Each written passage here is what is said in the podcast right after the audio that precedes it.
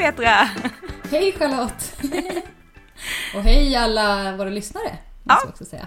Precis. Eh, ja, det är ju sista avsnittet innan vi tar lite semester, sommarsemester kan man säga. Ja, exakt. Det Har är du koll det. på det vilket dags. avsnitt det är Petra? För jag har inte koll. Nej, för en gångs skull har jag inte det. Jag brukar alltid ha koll på det känns det Ja, ja. Det är 27 eller 28? Något av det. Ja, ja Mm. det är det. Mm, har Men på tal om sommar, har faktiskt. du gjort något somrigt? Eh, nej, jag har badat i och för sig en gång. Oj! Eller jag har Mm. badat och badat, jag har doppat mig. Stod vid stegen ner från bryggan och eh, ja, ett snabbt dopp. Sen var det upp igen. För jag Var det kallt? en... Ja, ja, det var det väl. Jag kommer inte ihåg. Eh, men jag bor ju vid en kärn. Och den är ju bottenlös. Och det tycker jag är ju lite otrevligt. Så att, det är så här helt jättemörkt vatten så att jag vågar ju inte simma ut utan jag bara står där och Ja, du doppade ju fort då. Ja, Mm. men jag är ingen badare egentligen överhuvudtaget. Så att, men ja, det är väl typ det somrigaste jag har gjort tror jag. Sen har jag bara grävt och håller på då Mm. i min trädgård. Men nu eh, känner jag mig färdig med grävandet faktiskt. Nu har jag liksom gjort allt sånt där som behöver göras. Så det känns jäkligt bra. Så nu ska jag ta sommar faktiskt på riktigt. Åh, vad härligt. Men har du sett Mm. fler och fler djur? Har du... Eh, Ja. Grävlingen? Nej? nej, den lyser med sin frånvaro så jag vet inte. Den har nog flyttat tror jag. Mm. av sig själv. Eh, nej men det har varit lite dåligt förutom på fågelfronten då och eh, ja, eh, förra avsnittet så pratade vi ju om mygg. Mm. Eh, och jag kan säga att nu har de vaknat till liv för nu har det ju faktiskt regnat några gånger. Och då har det kläckt kan jag säga. Så att ja, nu är det lite, lite annat. Men har du gjort den där, lagt dig naken och Nej, låtit det dem bita inte. en massa och sen så är man immun? Nej? Nej, det har jag inte gjort. Nej. Vet inte om jag kommer köra den. Får, får se hur det, hur det artar sig här med det. Mm. Du då? Du har ju varit nere i eh, Ronneby. Är det? Ja, precis. Eh, och firat midsommar. eh, nej men det var inte, jag tyckte inte det var jättemycket mygg där, men jag har fått ett myggbett eh, nere på foten vid den där knölen. Mhm, ja. Eller ja, fotknölen är det väl ingen Nej. jätteavancerad knöl, men ja, där har jag fått det. De kliar ju väldigt mycket också tycker jag, när de, man får dem precis Ja, vid fotknölen. Eh, men annars så har jag väl, precis som du, kanske lite fåglar, katter har jag träffat lite, eh, mamma och pappas grannkatter nere i Ronneby har jag försökt locka till mig. Eh, och sen förra helgen så var jag lite kattvakt åt eh, Tao Solo. Vi spelade in ett avsnitt hemma hos dem. ja, precis. Victorias Ja, vad katter. så trevligt. då var jag ute och gick med dem på innergården och ja men de är ju jättemysiga men eh, Tao blev piss när jag skulle ta in honom. Jaså? Han ville inte in, nej Victoria hade förvarnat mig kring detta då. Och jag försökte med allt, jag hade godis i fickan, hjälpte inte. Men sen när vi väl kom in så då förlät han mig fort igen. Han, han Ja, var inte var redo men jag hade ju inte hela dagen så att... Nej, Mm, men det var ju tur att han förlät dig i alla fall då. ja, det gjorde så du han. får komma tillbaks. Mm. Nej Mm. men så att, ehm, ja det är väl typ det. Förutom utflykten jag har gjort då. Mm. Mm. Ja, den kommer vi ju till eh, lite senare. Ja. Eh, men eh, lite djurnyheter då på det Ja. hela. Jag har bekännelse, jag har inte en enda djurnyhet. Du är som jag i det här avsnittet. jag brukar ju vara den som inte har. Ja. Men eh, nu har jag faktiskt två. Ja men toppen, då blir det ju Ja. djurnyheten då. Då ska vi se. Då har jag en här först Mm. som jag hittat på SMHIs hemsida. Mm. Eftersom eh, ja, det viktigaste, bland det viktigaste vi har i det här landet det är ju vädret. Eller att kolla upp, det är ju jävligt viktigt. Så att jag går ju in och kollar vädret typ varje dag. Ja, Jag måste ju se hur jag, hur jag kommer ha det framöver. precis. Eh, men då hittade jag i alla fall det här. Det handlar om ett eh, plöjningsfritt jordbruk som klimatanpassning. Eh, oj, fastnade jag alla sladdar här. Eh, för man har ju alltså jordbruket Alltså det, de har ju lite problem, bönderna, i och med att vi har, håller ju på att få ett annat klimat, ett annat väder. Eh, så att det, ja, det är mycket svårare för jordbrukarna att liksom använda sina åkrar på bästa sätt. Mm. Mm. Så då har man eh, testat det här med att inte plöja sin åker överhuvudtaget utan man istället då bara sätter i. Man skiter i att plöja och bara sätter Aha. det man ska sätta rätt i oavsett vad det är för någonting. Ehm, och det här... Eh, vänta. Alltså det handlar om att man ska försöka bearbeta så lite som möjligt eh, marken då, eller jorden. Eh, och att man lämnar halm och sånt kvar efter skörd för att skydda marken. Eh, men det här gynnar också mikroorganismer i jorden. Mm. Och eh, för att liksom jorden ska luckras upp. Eh, för att det är det som man gör när man plöjer. Man liksom luckrar ju upp hela åkern innan man sätter ner grejer. Gud, jag känner mig dålig på att förklara hur man gör. Jag är inte som full- fullfjädrad bonde än, så att jag, jag kan inte riktigt det här. Men Det räcker kanske... inte bara köpa en gård alltså. Nej, nej, tyvärr. Kunskapen kom liksom inte med i köpet. Men då har vi ju som tur är maskarna. De gör jobbet. Eh, ja. För när de, de gör ju små gångar hela tiden i, Mm. I jorden när de, ja, när de gräver sig fram ute efter mat. Eh, så den, alltså är det mycket mask så luckrar de liksom upp och gör den här jorden bördig i alla fall utan att man behöver plöja. Och de avger även någon typ av vätskor som eh, binder samman jorden och gör den stabil. Mhm. Och eh, det kan motverka jorderosion. Okej. Mm. Så det är maskarna som gör jobbet då? Eh, som böndernas eh, nya lilla hjälpreda. Ja, precis. De Coolt. fyller en väldigt viktig funktion i det här. Eh, och man har testat det här på ett par gårdar i Skåne. Eh, och fått eh, positiva resultat, står det här. Kul! Mm, Mm. Väldigt kul. Så får maskarna en liten hyllning här. Ehm, och Det är sen- inte mer än rätt tycker jag. De får Nej, inte så mycket cred så. Nej, eh, och det ska de ju ha om de hjälper till på det här viset så att vi kan fortsätta få mat av jorden utan att liksom ja, påverka den för mycket eftersom klimatet gör att det blir lite väl jobbigt då. Mm. Eh, men sen har vi ju det här också då att det har ju kommit en ny djurskyddslag Mm. som har röstats igenom eh, av riksdagen då. Eh, och eh, där finns en del positiva nyheter kan man Oh. säga. Tell Mm. me more, tell me more. Ja, eh, det första är då att eh, det blir förbud mot elefanter och sjölejon på cirkus. Mm. Nu är det... Oj, gud vad fastnar i de här sladdarna hela tiden. det är liksom helt kört, man får inte använda elefanter och sjölejon på cirkus. Nej, nej, så nu är det inte det här att eh, ja, men om man, de måste ha si så stort och sådana saker och då hade, gick det ju bra innan men nej, nu är det slut med det. Ja men precis, och så kunde det ju vara att det kom cirkusar från andra länder där det är tillåtet. Och de fick ha med sig dem, men svenska cirkusar fick inte det. Och, ja, sådär. Men nu är det liksom kört. Mm. Nu får man inte det. Ehm, och sen då, vi har ju pratat om det här tidigare, men det här med lex Maja. Ja, Eh, och eh, nu har man alltså röstat igenom lex Maja som är en sekretessbrytande lag för personal inom hälso och sjukvården. Alltså att om man ser som hälso och sjukvårdspersonal så omges man ju av väldigt mycket sekretess. Men om man då ser att ett djur far illa, då får man liksom rapportera eller anmäla eller, eller så. Det har Mm. man liksom inte riktigt fått innan för att det har omgetts av sekretess gentemot ägaren då. Men nu det blir det verklighet.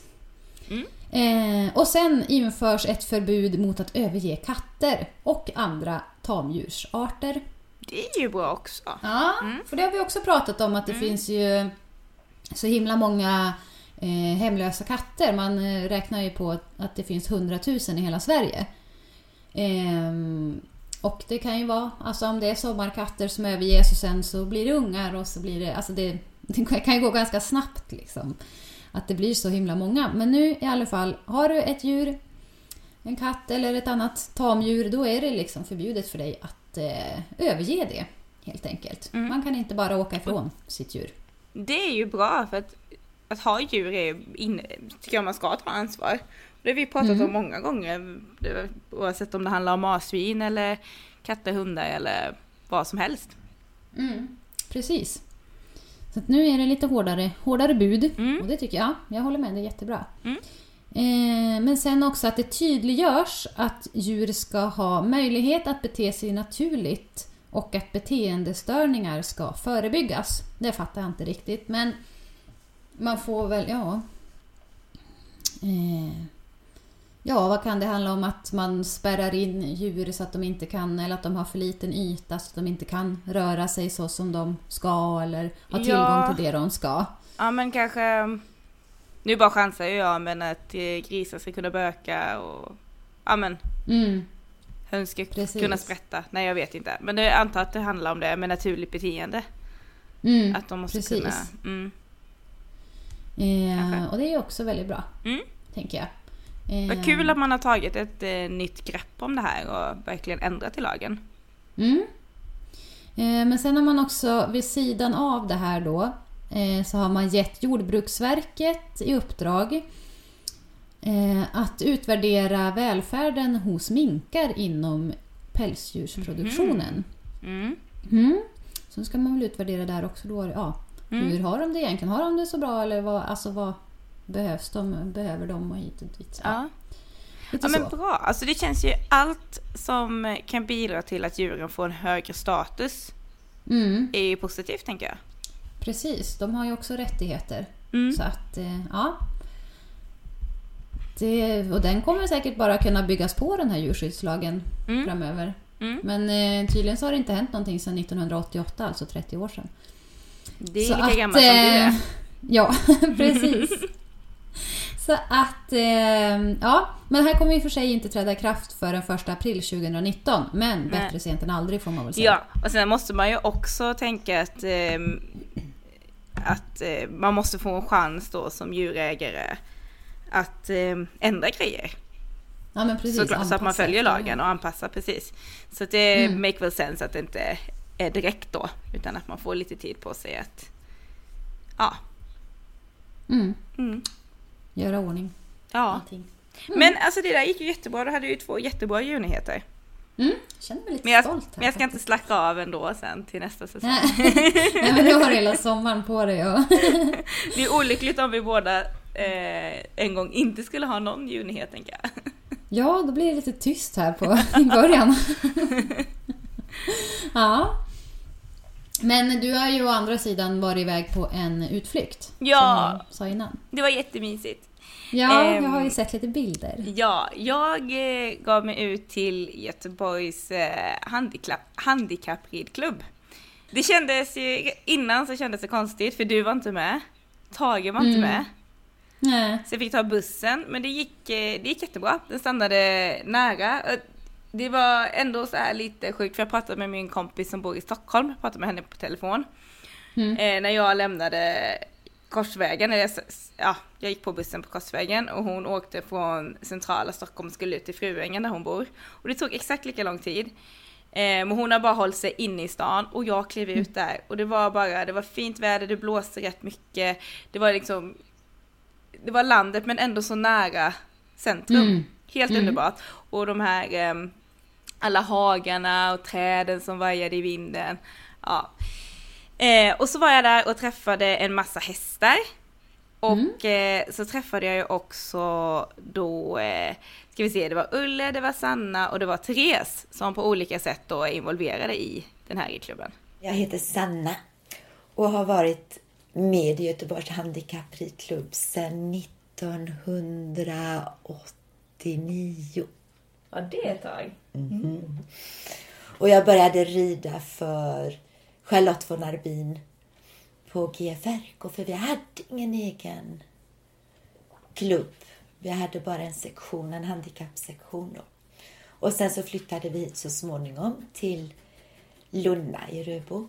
Och jag följde med. Och har varit här sedan dess. Och vad gör du i ridklubben?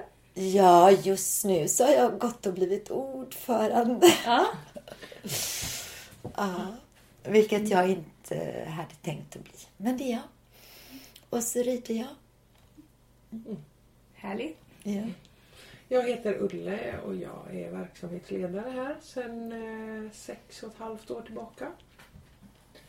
Snart. Ehm, och jag har ju hållit på med hästar hela mitt liv och valde ganska tidigt, får man väl säga. Jag var åtta år när jag bestämde att jag skulle bli ridlärare. Det är rätt tidigt. Ja, det, jag är en av de få som jobbar med det man drömde om som barn. Eh, och jag tycker att det roligaste är att, att få använda hästen som, som verktyg för att förbättra människor. Eh, både fysiskt, eh, alltså med fysiska förmågor och också att få människor att växa liksom, som, som människor. Mm.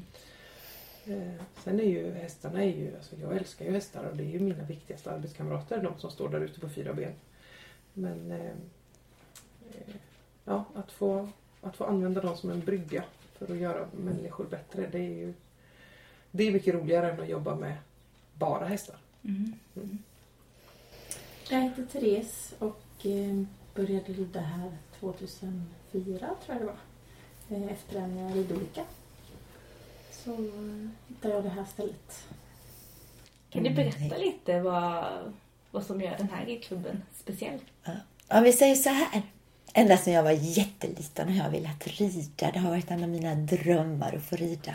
Och när jag var liten så fick jag börja rida på Göteborgs fältridklubb. Då kanske jag var nio år. Jag har haft polio. Och då på den tiden så hade jag en stor känga med eh, ja, med eh, stora, nästan som armeringsjärn som gick ut med benet.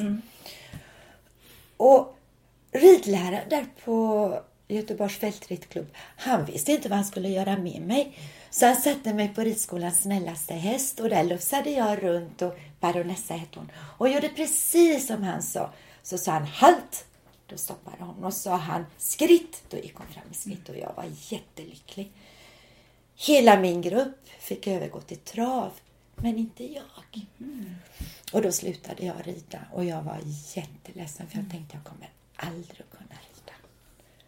Och sen blev jag vuxen, fick en dotter som ville börja rida och då tänkte jag nu, nu ska jag förverkliga min dröm! Och så ringde jag till Göteborgs fältridklubb och sa jag har polio, jag vill jättegärna börja rida men jag vill inte hindra någon i min ridklubb.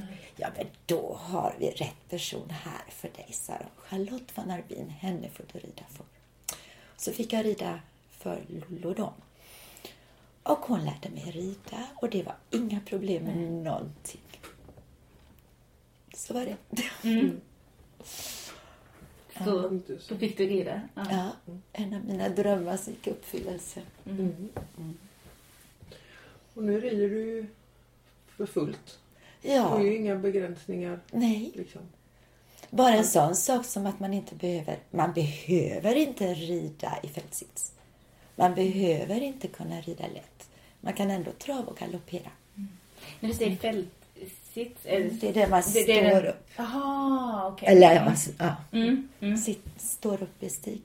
Ja, står Ja. upp i stigbyggnaden. Alltså. Ja, Och rider lätt det är när man följer med hästen i trav. ah, okej. Och Mm. det kan ju inte jag göra på det sättet att man reser sig upp. Nej. Men jag gör det med min kropp istället. Mm.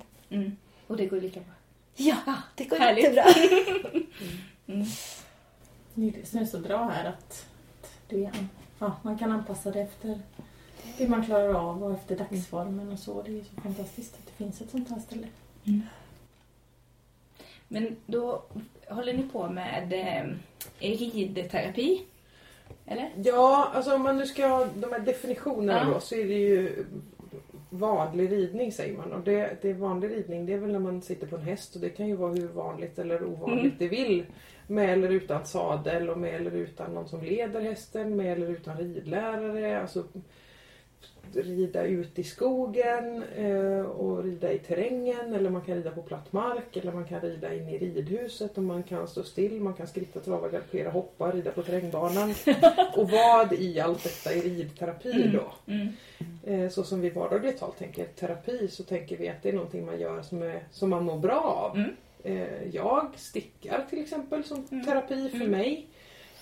Men just begreppet ridterapi innebär att, att det är en, en sjukgymnastisk behandlingsform. Okej. Alltså det är en sjukgymnast eh, som har ett uttalat mål för varje individ då som är ju, heter patient naturligtvis när det är så behandling och så använder man hästen och hästens egenskaper och framförallt rörelser för att åstadkomma ett visst, en viss sak som man Mm. har bestämt innan. Så ridterapi är ju inte att man kommer hit och rider för att det är roligt utan då Nej. har man kanske man kanske efter en, eh, någon skada eller sjukdom behöver lära sig att gå på nytt. Mm. Och då kan man använda hästens rörelse till exempel för att skapa gångförmågan. Det låter ju jättehäftigt att man kan Mm. göra det. Mm. Ja, det är helt otroligt vad man kan Mm. göra med en häst. Eh, Så det är ju den egentliga definitionen av Mm. terapi. Då. Mm. Men det kan man göra här. Det kan man göra här men då krävs det ju en remiss och då Mm. kommer man ju från, från hela sjukvårdsdelen då. Mm. Och sen blir man remitterad till eh, habiliteringen som har verksamhet här två dagar i veckan. Mm. Och då är det ju sjukgymnaster och specialpedagoger och Mm. arbetsterapeuter och de är ett sånt tvärprofessionellt team Ja. som, som gör det här då, försöker skapa det som är målet med varje individs behandling. Det är jättehäftigt Det att se. Mm. Mm. Då kan man ha, då rider de 10 eller 12 gånger. tror Tolv jag. gånger är det. 12 gånger Mm. är Och då är, får man, när man får den här remissen då så blir man beviljad ridterapi 12 behandlingstillfällen. Ja.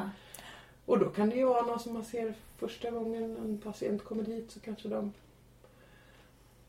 i- inte orkar sitta på en vanlig stol till exempel utan ryggstöd. Mm. Och sen när de har ridit eh, 12 gånger då, 12 veckor i rad så kan de sitta, de kanske kan flytta sig själva, de kan eh, gå. Alltså, det är helt fantastiskt. Ja, det är, Ja. det är helt fantastiskt. Det, det går att göra så otroligt mycket med Mm. häst som man, man verkligen inte tror är möjligt. Nej. Det är jätte, jättehäftigt. Ja, det låter ju helt fantastiskt. Mm. Men vad har ni mer för, för då är de här två dagar i veckan, men vad har ni mer för verksamhet? Får man säga en helt vanlig ridskola? Ja, det får man. Det, ja. Ja. Klart man får. Det- Ja, så. vi, vi har en helt vanlig ridskola Mm. med Mm. verksamhet måndag till lördag. Mm. Eh, vår och hösttermin precis som vilken ridskola som helst. Mm. Fast här finns inga begränsningar ska man väl säga. Mm. Det är integrerade grupper med om man har Ja. funktionsvariation eller inte. Så Ja. ja, man, man går efter den som Ja. det funkar Mm. för en. Sen spelar det liksom ingen roll om man har det eller inte, bara man går i en nivå som är Ja. lagom. för Mm. själv. Det är det som är så fantastiskt. Ja, så då handlar det ju egentligen eh, om att, eh, att det inte blir som för dig. För, ehm, när du var barn, att, Ja. att du inte fick eh, följa med. Ja, men precis. Så det handlar mer om att det är vanligt fast det är inkluderande för Mm. Mm. alla helt enkelt.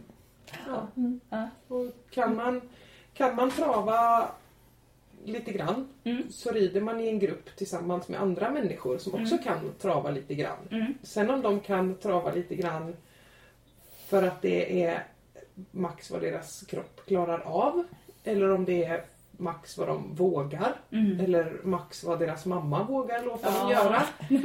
Eh, eller för att man vill. Alltså, det spelar ingen roll. Nej. Alla som travar lite grann rider ihop med andra människor som travar lite grann. Mm. Mm. Och människor som vill rida ut i skogen oavsett väder. De Mm. rider tillsammans ut i skogen oavsett väder. Mm. Och det har ingen betydelse om man är med eller utan funktionsnedsättning eller så. Nej. Ja. Någonting som är viktigt Mm. för vår ridskola det är ju våra hästar. Ja. Mm. Att de är specialutbildade.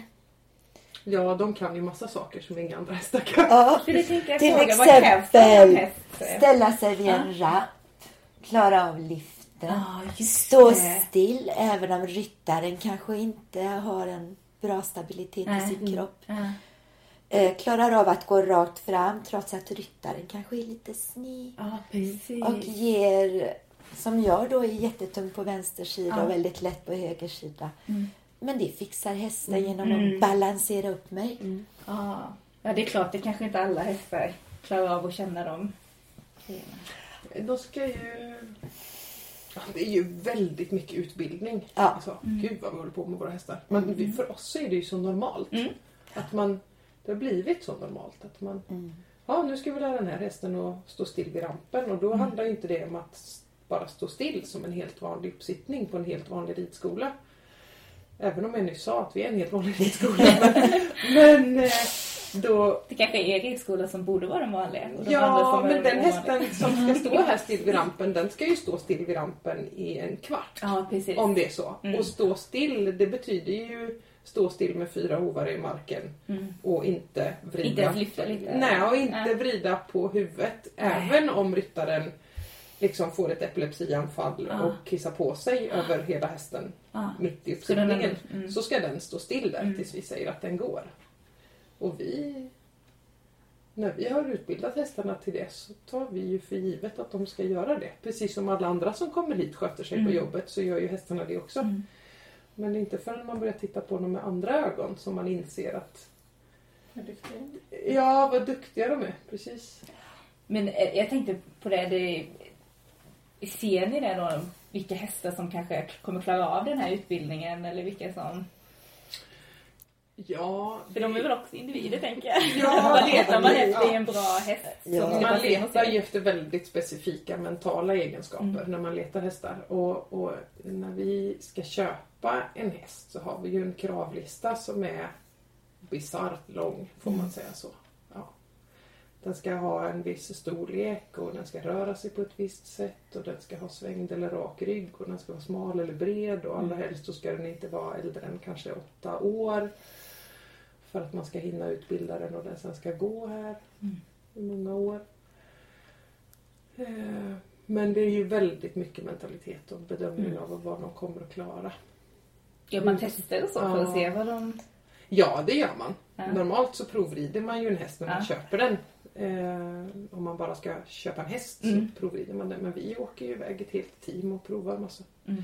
Simulerar epilepsianfall och har en ryttare på hästen och en människa som leder hästen som liksom styr den och så en människa på varje sida som går och gör det väldigt trångt för hästen till exempel och då får den ju inte visa den får inte visa vissa typer av flyktbeteenden Nej. för då ser man att då blir den här individen så stressad av den situationen så att den kommer inte att klara av att bli trygg i Nej, sin arbetssituation här och då mår inte hästen bra av det och då är det ingen idé att den ska vara här. Nej. Eh, och så, ja, så går man igenom ett antal rigorösa tester. Ja, det är en ganska stor mental belastning för hästarna om man jämför med andra hästar. Mm. Just det här att det ändrar sig så mycket från, från ett pass till nästa. Från elev till elev eller? Ja, det blir man en elev har ridit färdigt och sitter av och så upp med nästa så blir det ju väldigt så helt andra förutsättningar Mm. och hästarna Mm. måste ställa om. Mm. Och det sliter mentalt Mm. på dem. Så det tar lång tid innan de är innan de liksom ja, är, är trygga mentalt och samtidigt kan vila. Mm.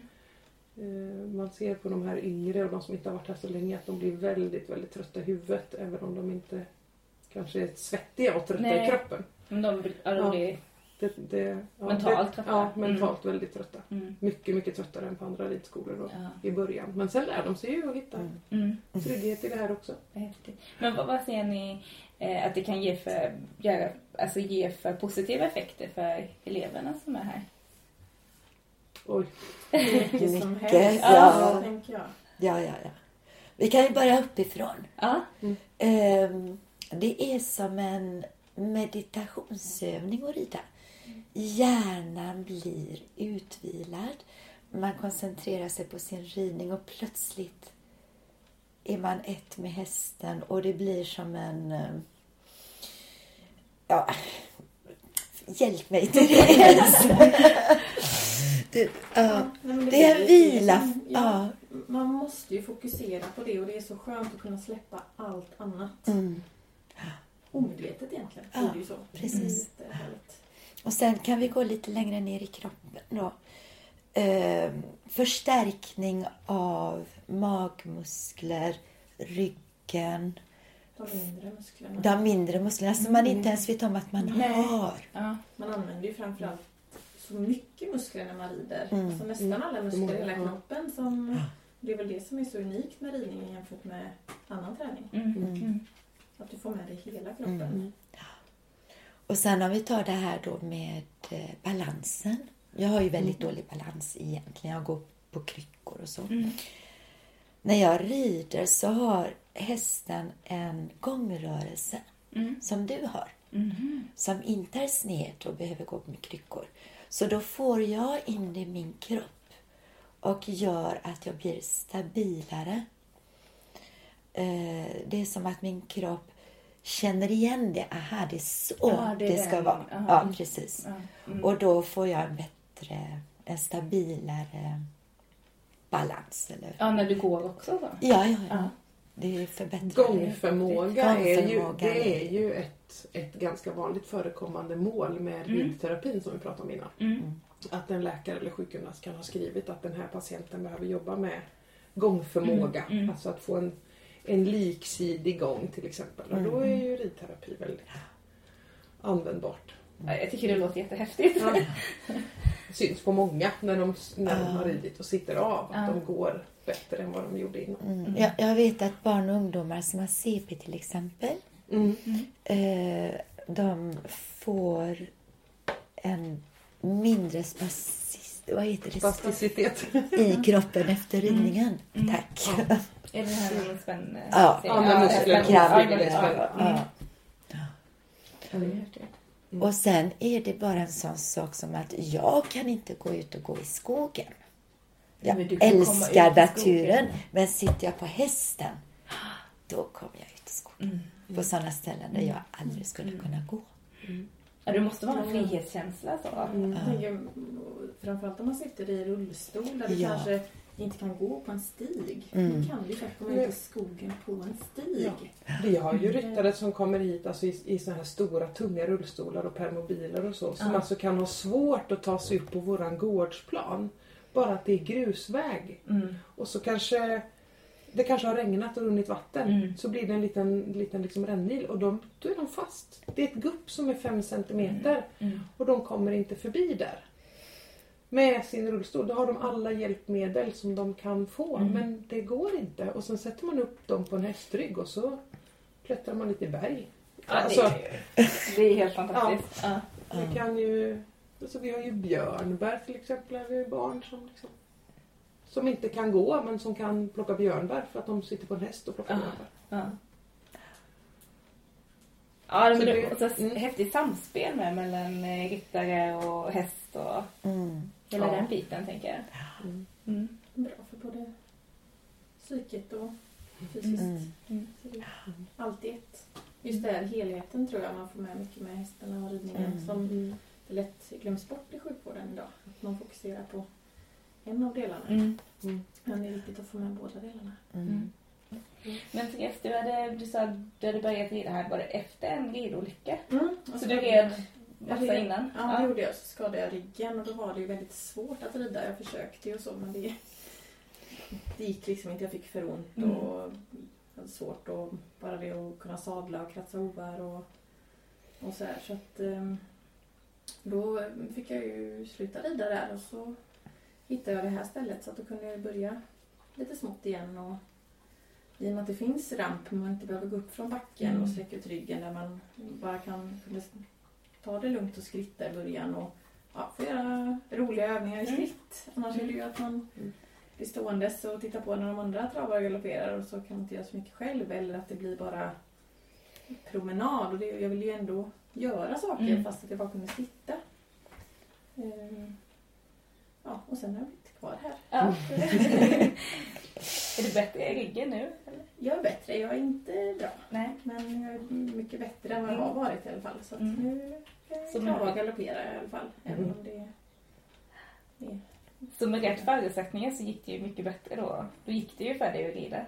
Ja, precis. Mm. Då, då behövde jag inte sluta rida. Eller Nej. så, så att det är det som är så fantastiskt här. Att det, Mm.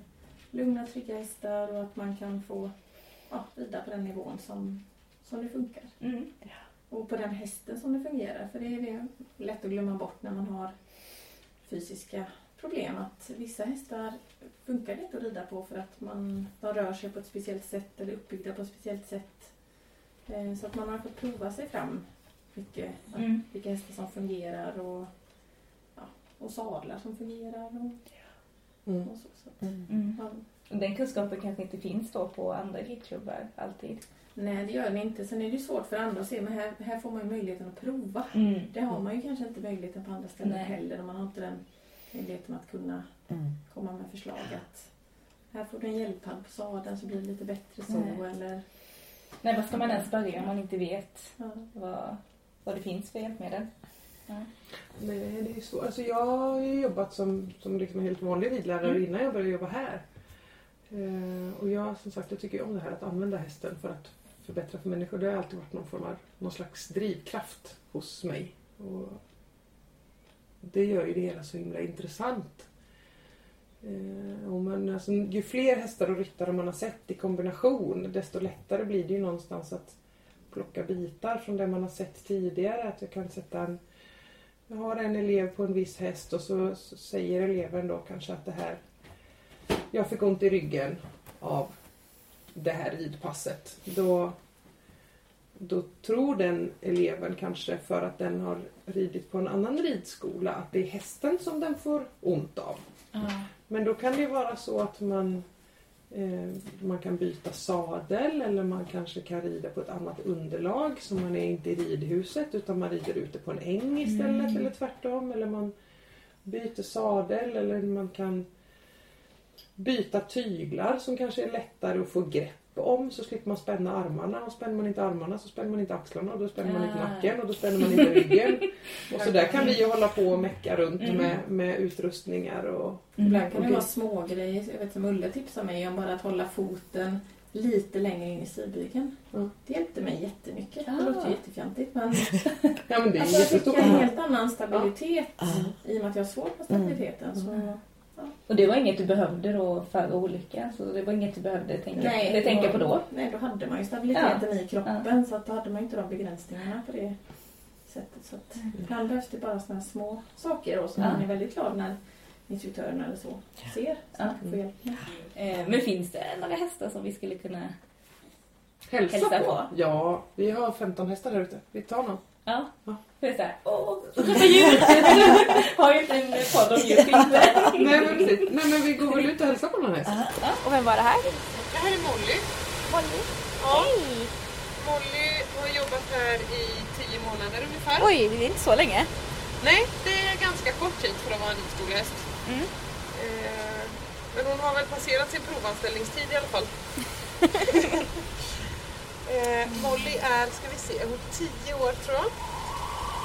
Hon kommer från Danmark. Och hon är en ganska pigg ponny. Mm. Eh, det är ju viktigt att vi har pigga hästar. Eh, för de ryttarna som inte är så starka, men som vi pratade med Therese förut, som har ryggproblematik och som inte är stark, eller som Sanna som bara är stark i det ena benet. Så måste ju hästen, man gasar ju på hästen med sina ben när man rider dem. Mm. Och har man inte så mycket benstyrka så måste man ju ha en häst som springer lite mer av sig själv. Och då är ju Molly en sån. Med lite mera motor brukar man säga. Mm. Sen har vi Julle som står där borta. Han har inte lika mycket motor. Då kan man använda honom till ryttare som har kanske väldigt starka ben eller spastiska ben som ofrivilligt gasar på. Då har man Ah. en häst som, som bryr sig lite mindre om det.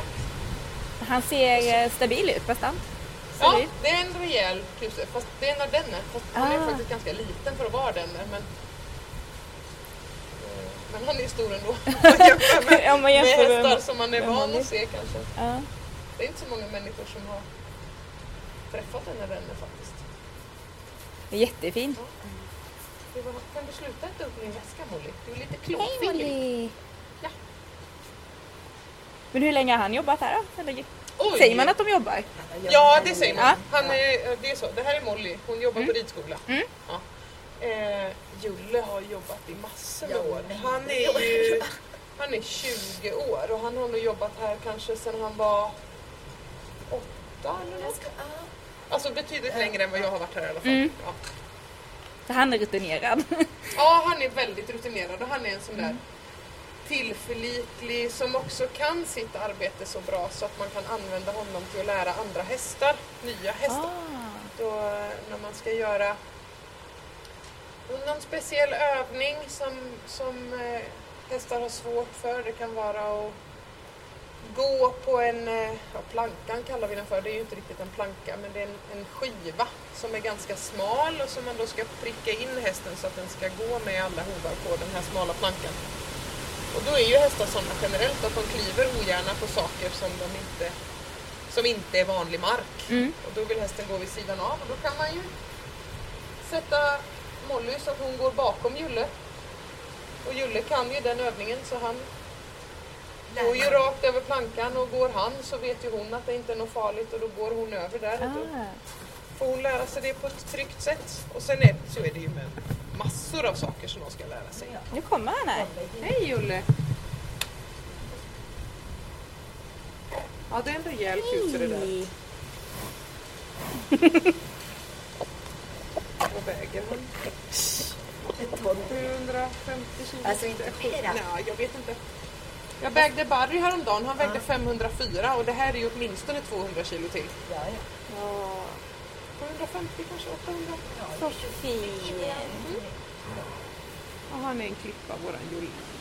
Hej, hon gillar liksom att vara lite Molly. nära. Lite... Ja, alltså Molly är, Molly är pigg och ganska pillig. Ja, hon, hon var här och jag tyckte bara det var mysigt men hon kommer så och nosar lite.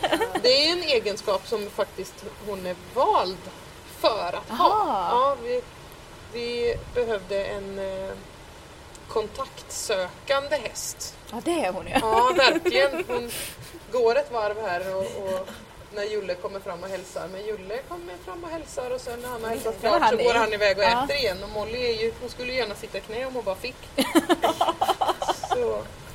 Och det är ju viktigt då. Men, Ja. Men ni har en jätteliten ponny. Och Valdemar. Ja. Eh, han, är, han är unik. Han är en shetlandsponny som går med långsam takt. Jag har inte shetlandsponny Nej, alltså fall. jag har träffat honom och en till faktiskt. Du, nu håller du på att äta upp min plånbok här Molly. Pengar får du Eh, låta vara. Ja. Eh, nej, han används mycket när habiliteringen är här med, med den här ridterapin. Då. Mm. Eh, och små barn behöver ju små hästar. Ja, det är klart. Men, men om man har mycket spasticitet så vill man ju dämpa den med en häst som rör sig med långsamma steg. Mm. Och shetlandsponnyer går ofta väldigt fort, de går som symaskiner och benen går som trumpinnar. Men Valle går, eh, han kan gå med väldigt långsam takt. Ah, att det- så då det- passar det. Ja, väldigt unikt. Han blir väldigt, väldigt svår att ersätta den dagen han inte kan jobba kvar. Har han jobbat här länge? Är han gammal? Oj, ja han är Ja, också... är Han är 23 och Oj. det är ju inte jättegammalt för Nej. shetlandsponny men det är ändå det är många år i yrket. Ja. Eh, och vi har, vi har fått honom. Eh, jag har för mig att vi fick honom mot att vi lovade att lämna tillbaka honom om vi tröttnar på honom. Och det har vi inte gjort hittills. Så, men han är våran och, och han, eh, han är ju ja, väldigt unikt och just det med det här att han har långsamma steg. Och sen kan man köra honom också. Så han kan, dra, kan man liksom komma och åka häst och vagn om man inte klarar av att rida eller Mm. inte vågar rida. Eller vi har många som har ridit men kanske inte kan rida efter någon operation eller sådär. Mm. Då får man kan ändå... man ändå komma hit och, och göra något med hästen. Nu kommer du där igen. Hej tjejen! Molly. så.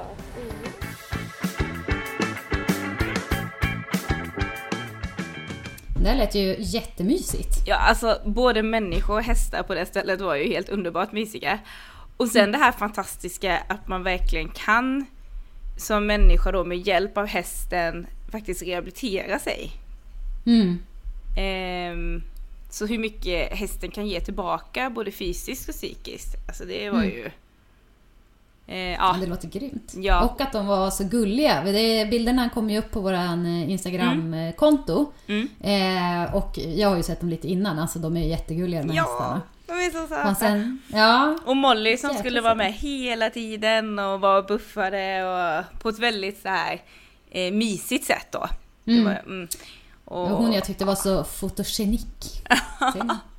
och, Ja, hon som ja, en fotomodell den här hästen. Ja, ni får titta på vårt Instagramkonto. Absolut, och Bosse med sin lugg och Julle med sin... Ja, de var så fina. Helt Mm. klart. Och de eh, ska faktiskt ha lite öppet hus där, eller öppet stall. Eh, Mm. I september sen. Så vi får se, jag kanske åker dit och får testrida lite. Mm. Jag ska inte lova för i mycket. Göteborgs, eh, alla i Göteborgstrakten kan ju också göra det. Ja. Så, ja, jag ska inte lova för mycket men jag blev ju väldigt, väldigt sugen på att få komma dit och provrida såklart. Mm. Mm, häftigt. Mm.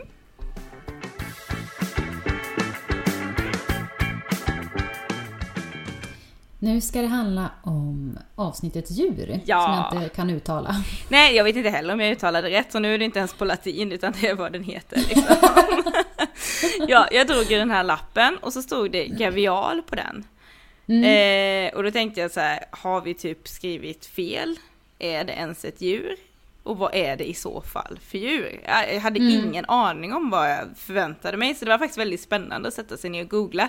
Ibland tycker jag ändå att man brukar ha en liten föreställning om vad det är för djur. Men man får lära sig mer och mer och mer. Men ja, jag kan säga att det är helt klart ett djur. Det är det. Ja, okej. Den kallas även för gang, Gagnesgavialen. Och eh, det är den enda levande arten i familjen gavialer. Ja, ja. Ja, så den finns då i, eh, runt, alltså i Ganges och också eh, Brahmaputras och Indusfloderna och sånt. Ja. Det är ett vattendjur alltså? ja, precis. Om man kollar på den först vid första anblicken så kan, tycker jag att, alltså, jag har ju bara sett på bilder då, men att det ser ut lite som en udda krokodil. Jaha. Alltså, en udda? Ja, för kroppen ser ut ungefär som en krokodils. Men nosen och munnen då, den är inte alls likadan. Jag måste gå in och titta sen. Jag har ju inte tjuvkikat för jag tycker det här ska bli så spännande. Nej men alltså, eh, nosen då, eller vad man säger, eh, den är, är liksom långsmal. Alltså jättelångsmal. Jaha. Alltså väldigt, väldigt smal och väldigt, väldigt lång. Och sen har den vassa tänder så här. Så att, om, om, om, när man tänker så här på en krokodil, den har ju en stor käft liksom.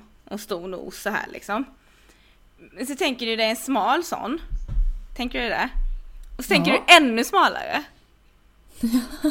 Ja. Potentiellt, potentiellt lite smalare än det är. Så där har du gavialens nos. Jag måste bara gå in och titta sen vad det här är. Ehm, Vad roligt. Ja. Eh, och den har långa vassa tänder. Ehm, alltså ja, jag tycker, ja men som sagt nästan eh, onaturligt smal ut. Och sen så längst ut på nosen så, så att den är väldigt smal så. Och sen så längst ut på noten så sitter, sitter det liksom som en eh, knopp. På hanen. Ja, vi, vi ska åstadkomma vad den gör med den här knoppen då. Ja, oj. Ja. Eh, ja men gavialen den äter inte, den äter liksom inte stora djur så den är väldigt olik krokodilen på det sättet och andra alligatorer och så. Eh, Den äter fisk och den är bra anpassad för det. Så den här eh, smala nosen, den gör ju att det blir väldigt lite vattenmotstånd då när den ska hugga efter fisken. Det kan man ju tänka sig en sån stor krokodilkäft, alltså det blir ju liksom, det blir så mycket Mm. vattenmotstånd. Men eftersom den är så smal, smal, smal, smal så blir det ju inte det, så kan den vara snabb eh, och ehm, hugga tag i fisken. Och de här långa tänderna som den har, det gör också att den, den är väldigt bra på att sma, äh, fånga även så här hala fiskar. Så den bara så. Um. Alltså jag kan ju bara säga det att jag önskar ju att vi hade spelat in en film på hur du visar det här för mig genom dataskärmen. Det är så fantastiskt fint hur smal den här nosen är. Och den är så smal när du visar. Och, där framme då, den där knoppen. Och, ja, ja, googla säger jag jag, förstår bara. precis. Mm. Mm. Eh, Nej men sen då eftersom den äter med, eh, fisk då så behöver den inte heller de här starka käkarna då som krokodilen har. För de har ju så, eller liksom kaimaner, whatever. De har ju så stora byten så då behöver ju de den här stora käften. Ehm, men eftersom det bara är fisk då så ja, behöver de liksom inte vara det. Men sen betyder ju inte att, att den är liksom liten. Det är som inte sån här jätteliten utan den kan bli upp till 6,5 meter lång. Jäklar. Ehm, men den är liksom inte så stark så den kan döda en människa på det sättet. Och den är också smalare än en krokodil. Men ja, och så står det så här, och väger inte mer än 350 kilo, precis som det skulle vara lite typ. Men ja, så att, ehm, ja. Men den kan äta mer än fisk och då kan den äta så här, groddjur och eh, alltså, det, inte, händer inte så ofta men den kan också äta liksom vattenlevande mindre fåglar och däggdjur och så. Men mest är det då ehm, eh, fisk. Och så, ja, det står att den lever i snabbflytande floder och håller till vid flodens krökar eller vid biflodens mynningar. Där gillar den att leva liksom. Ligger den och lurar där då? Ja, ja men ja, den gillar liksom vara i vatten mycket. Ehm, för den, den är inte liksom så smidig på land. Så den är verkligen gjord för att vara i vatten. Så att ehm, eh, den går bara upp på land egentligen för att lägga ägg och för att sola. Sen vet inte jag ofta Oh. den solar. Det stod Nej, ja, det lät ju väldigt härligt. Ja, men den är mycket klumpigare på land än vad den är i vatten då. Mm. Eh, men hanen då, vi ska komma till den här utväxten där på nosen. Mm. knopp eller vad man nu ska kalla den för. Det stod lite olika grejer. Den är liksom inte bara där för att den är snygg. Utan eh, då tror man att den är även där för att den gör ett brummande läte med den för att skrämma bort andra hanar. För att visa då sin dominans liksom. Mm. Och eh, den, den kan också göra bubblor i vattnet då liksom för att locka till sig honor under parningssäsongen. Så att eh, den har många funktioner. Mm. Eh, honorna då, de blir könsmogna när de är typ 7-8 år gamla. Då är de kanske ungefär 2,5 till 3 meter långa. Men hanen den blir ju könsmogen alltså way later. Alltså jättemycket Jaså? senare, typ när den är 15 till 18 år. Mhm. Eh, och har en längd på sådär 4 meter. Så ja. Och så honan. lite mera tid på sig. Ja. liksom. Men honan lägger eh, 40 ägg i ett bo, då 1-5 meter från vattnet ungefär. Eh, vad kan man mer säga? Eh, Den är starkt hotad. Mhm. Så det är tråkigt. Det finns ungefär ehm, ja, 200, drygt 200 kvar. Och Oj. de, ja, och liksom, det är mycket så här då att en orsak är att områdena där de gillar att bo har förstörts då för man har byggt dammar och jakt har varit ett jättestort problem innan. Det är inte lika stort idag. Men det görs försök att eh, rädda den och försöka att föda upp och sen släppa ut i det vilda. Och det har gått hyfsat stod det. Och det har ändå blivit fler, det finns fler idag än för tio år sedan i alla fall. Mm. Men det är ju Så att, positivt i alla Så fall. vi får se. Ja, my- ja, det är väl ungefär det jag hittat men alltså den är ju helt underbar till utseende skulle jag säga. Med den här Mm. långa, långa nosen. Ja, fantastiskt. Ja, ja. Jag, och att den, eh, mm. Ja, jag måste bara gå in och kolla sen. Ja, det får, du, det får du faktiskt göra. Alltså Mm. den... Um, ja, sen tyckte jag det var lite fräckt med att, ehm, att den håller sig till fisk och sådär. Liksom att den är så lik en krokodil men att de är väldigt olika då till hur de lever och så. Mm. Så den är inte alls farlig på samma sätt för oss då. Nej. Inte lika skräckinjagande. Jag undrar vad det, honorna har för krav på de här bubblorna som den kan blåsa. Ja, men jag vet inte. Så här, ah, det ska vara små fina Mm. bubblor eller så stora bubblor eller Ja. ja. jämnt flöde av bubblor. Det skulle Ja, jag vilja fråga om jag kunde undra, och jag är prata också med. nyfiken på hur det där brummande ljudet eh, låter. Ja, hur, eh, under vatten. ja, hur det här, hur eh, skräckinjagande det är för att då liksom skrämma bort de här. Mm. Ja, det är kanske en jäkla hanarna. bas. Ja. Det kanske, ja. Ja, det kan vi kanske forska på. Mm, det kanske är någonting som eh, Sverige ska testa mot Mexiko på onsdag. Ja, imorgon. Ja, precis. Mm. Sånt brummande ljud, det kanske är det Ja. som... Eh, Jag ska skicka ett sms till Janne och säga att ja, gör det. Du tar, på, du tar den pucken, du tar den. Ja, jag tar det. Jag tar den. Vi fixar det här. Ja. Jag kirrar biffen. Sverige vinner.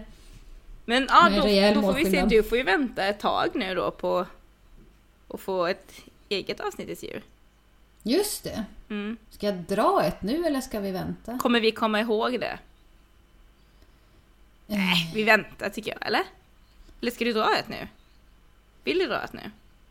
Alltså jag kan dra ett men eh, alla får ju fasen hjälpa mig att komma ihåg att eh, vad det är. Alltså det som är bra måste- Peter är att vi spelar in det här och lägger upp det på Acast, Ja. iTunes och podcaster så vi skulle kunna gå tillbaka Där och lyssna sen innan vi spelar in nästa avsnitt.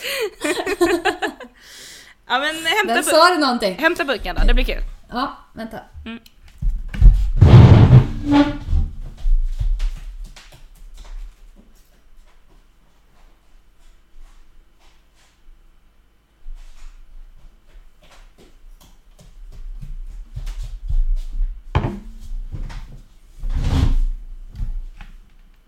Du ser förväntansfull ut. Mm, jag är taggad. Yay! Då ska vi se. Mm. Ja, vill du se här nu? Ja, jag vill, jag vill se så att du inte fuskar. Det såg ut som jag fuskar nästan. Ja, ja, jag ser det, en lapp.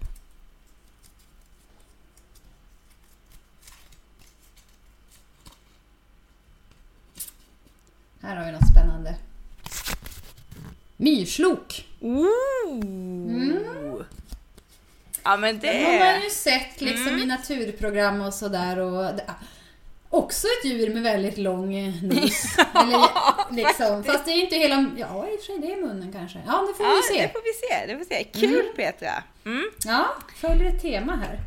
Och då tänker jag så här med att ehm, ja, man får jättegärna gå in på vår Facebook-sida eller Instagram eller sådär och skicka privat meddelande med fler förslag på vad vi skulle kunna ha som avsnittets djur. Mm, absolut. Ni får jättegärna skicka bilder på era djur Ja! också till oss. Förgylla lite här under sommaren. Ja. Eh, det hade ju varit kul att se. Mm. Faktiskt. Vad ska du göra Mm. nu under sommaren då? Ska vi avsluta med lite sånt? Ja, vad ska jag göra? Eh, jag ska ut och cykla Ja. eh, i en vecka ungefär. Sen ska jag på festival. Sen ska jag på konsert nere i Stockholm. Roger Waters faktiskt, Pink Floyd. Mm. Mm, så att, eh, ja. Ska du ta med dig Floyd. Pink Floyd då? Eller Floyd menar jag. Nej. Nja, jag tror inte han eh, bryr sig överhuvudtaget om det.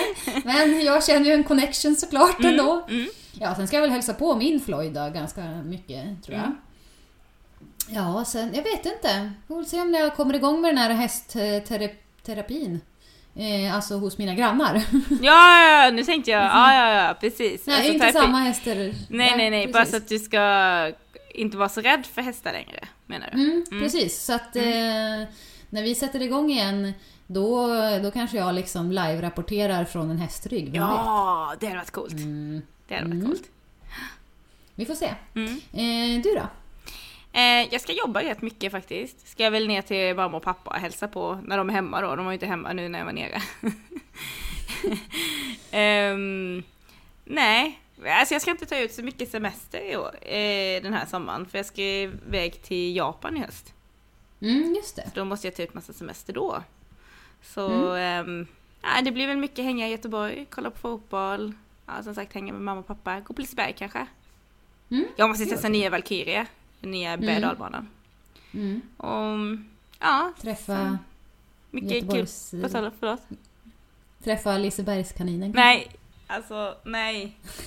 Jag hoppas att jag slipper Lisebergskaninen.